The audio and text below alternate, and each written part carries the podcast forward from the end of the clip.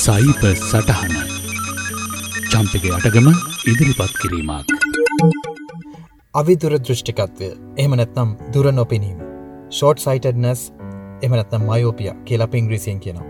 මෙය වසංගතයක් විදිට මෑත කාලෙක් සිට දරුවන් අතර දකිනට ලැබීම පිළිබඳව පැහැදිලිව මැගිල්ල දිගුණේ TV ගේම්ස් හෝ ටැබ්ලට අදී දරුවන් වැඩි වශයෙන් ඇස් යොමා සිටින තිරවලට. නමුත් ඔස්ට්‍රේලියාව සිදුකන් ලද අලුත්ම පර්යේෂණයකින් සොයාගෙන තියෙනවා මේ රෝගි තත්ත්වය දරුවන් අතර වැඩි වශයෙන් පැතිරයාමට හේතුවෙලා තියෙන්නේ ඔවුන්ට ප්‍රමාණවත් ලෙස ඇස්වලට හිරුවලිය නොලැබීම කියන කාරණය කියලා.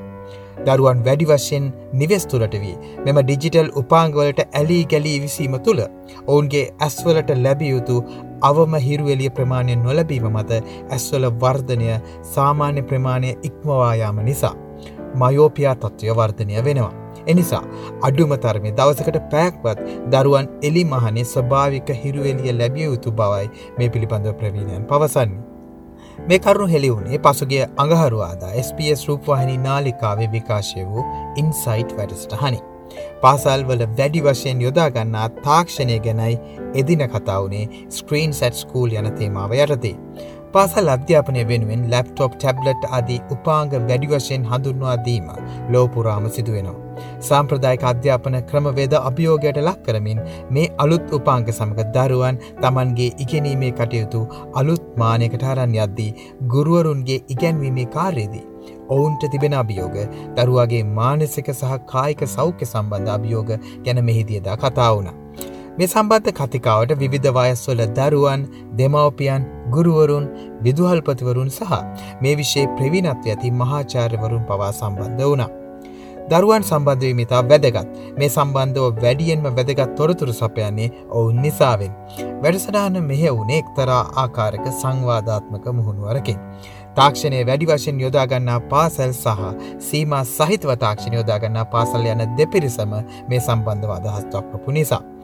වැඩි වශයෙන් පන්තිකාමරවලට තාක්ෂණය හඳුන්වා දෙන පාසල්වල ගුරුවරුන් විදුහල්පතිවරුන් දරුවන්ගේ ඉගෙනීමේ ක්‍රියාවලියට මෙයින් ඇතිවෙතිබෙන සුභවාදී පැත්ත පෙන්වා දුන්නා. එහිදි හෙළුණේ වයසවුරුදු අටවැනි කුඩා දරුවන්ට පවා අලුත්ම තාක්ෂණික නැඹුරුතාවන blockchain bitcoin virtual reality augmented reality පවා එම පාසල්වල අධි තාක්ෂණික පන්තිකාමරවල දැන්ටමත් උගන්වන බවයි. පැය විසිහත්තරම දරුවන්ට සම්බන්ධ වියහැකි ලෙස ලෝවට එවැනි වෙනත් පාසල් සමඟ ජාලකත කර ඇති. ඉන්ටකනෙක්ටඩ් ක්ලාස්රූම්ස් වලට දරුවන්ට පාසල් කාලයෙන් පරිබාහිරවත් සම්බන්ධ විය හැකි බව අදාළ තාක්ෂණික ගුරුවරයා ආඩම්බරයෙන්මෙන් සඳහන් කළා. නමුත් මෙලෙසින් තාක්ෂණයට වැඩි වැඩියෙන් අවධයනය යොමු කරවීම තුළ ඉන් අපේක්ෂිත ප්‍රතිඵල ලැබී තිබේදයි අනෙක් ගුරුවරුන් ප්‍රශ්න කලා. දෙදාහි වස්සරි සිට ඔස්ට්‍රේලියාවේ දරුවන්ගේ කියවීමේ හැකියාව පහත වැටල තියෙනවා.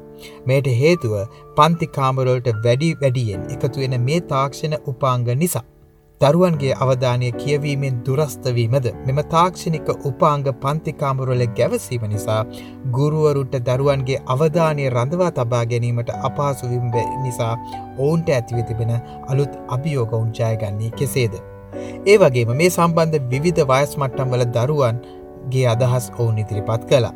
එහිදී පැහැදිරුණේ වයිසින් වැඩි දරුවන් අතර මේ ගැන අවබෝධයෙන් ස්වයං නියාමනයක් ඇති දරුවන් සිටියත්. සෑම වයස්කාණ්ඩයකම දරුවන්ට මේ අභියෝග ජයගන්න පාසල සහ නිවස වෙතින් වැඩි සහයෝගයක් සහ මඟ පෙන්වීමක් අවශ්‍ය බවයි. එසේ නොවනහොත් තමන්ට පනව ඇති තාක්ෂණික බාධක තුළින් තාක්ෂණය තුළින්ම රිංගායාමට ඔවුන්ට පාසු කාරණයක්. උදාහරණයක් විදියට මෙම වැඩසටහනිදි දරුවෙක් තම මිතුරන් පාසලේ ඇති අන්තර්ජාල භාවිතය පනව ඇති වාර්ණයන් මොබයිල් හොට්ස්පොට් තාක්ෂණය හරහා මගහරණ ආකාරය හෙළි කළේ එහි සිට විදුහල්පතිවරුන් බවා අපහසුතාවට ලක් කරමින්.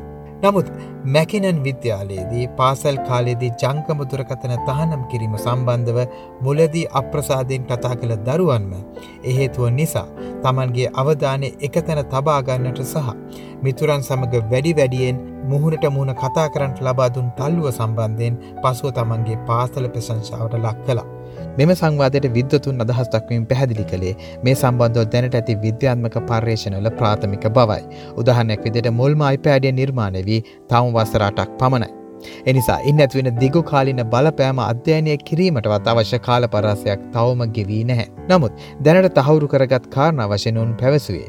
වාසවුරුදු එකේ සිට පහදක්වා දරුවන්ගේ මොලේ වර්තනයට මෙවැනි උපාංගවල තිර පැහැදිලි බලපෑමක් කරන බවයි.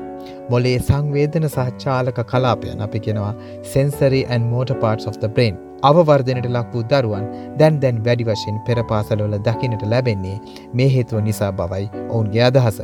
ඒ සමගම පාසල් වයසේ දරුවන්ට මෙම තිර සහවිශේෂෙන්ම සමාජ ජාලවල විසින් ලබා දෙන උත්තේජන නිසා. අපි කෙනවා ඩෝපමින් හිටස් ඔවුන් නිරන්තර අතෘප්තියකින්. එකට කෙනවා ෆිලිං of ඉන්සෆිෂන්සි පෙළෙන වගට ඔවුන් අනතුරු අඟවනවා. මෙය ඔවුන්ගේ අධ්‍යාපන කටයු සඳහා අවශ්‍ය උනන්දුවට සහ ගුරුවරුන් වෙත දක්වන අවධානයට කෙලිම බලපාන බව ඉතා පැහැදිලි. මෙහිදී හැම දෙනා වගේ එකගුණේ පාසල සහ නිවස තුළ තාක්ෂණය සමබරතාවෙන් භාවිතා කළ යුතු බවයි. පාසල තුළ තාක්ෂණය පුහුණුවලත් ගුරුවරුන් එලිමහනේ ක්‍රීඩා සහ වෙනත් ක්‍රියාර්කාරකම් අදී සියල්ල සමතුලිත කරපු ටෝටල් ලර්නිං ඒකොසිිස්ටම් වෙත යායුතු බවයි ඔවුන් අවධාරණය කළේ. තාක්ෂණය හීලා කරගෙනින් ප්‍රතිඵල ගන්නවා විනා. එහි වහලෙකු විහි විනාශ නොවිය යුතු අග අපගේ දරුවන්ට අප ආදර්ශයෙන් පෙන්වාදිය යුතුව තිබෙනවා. අදත් ඔබට සයිඩ සටහනගෙන මම චම්පක යටගම්.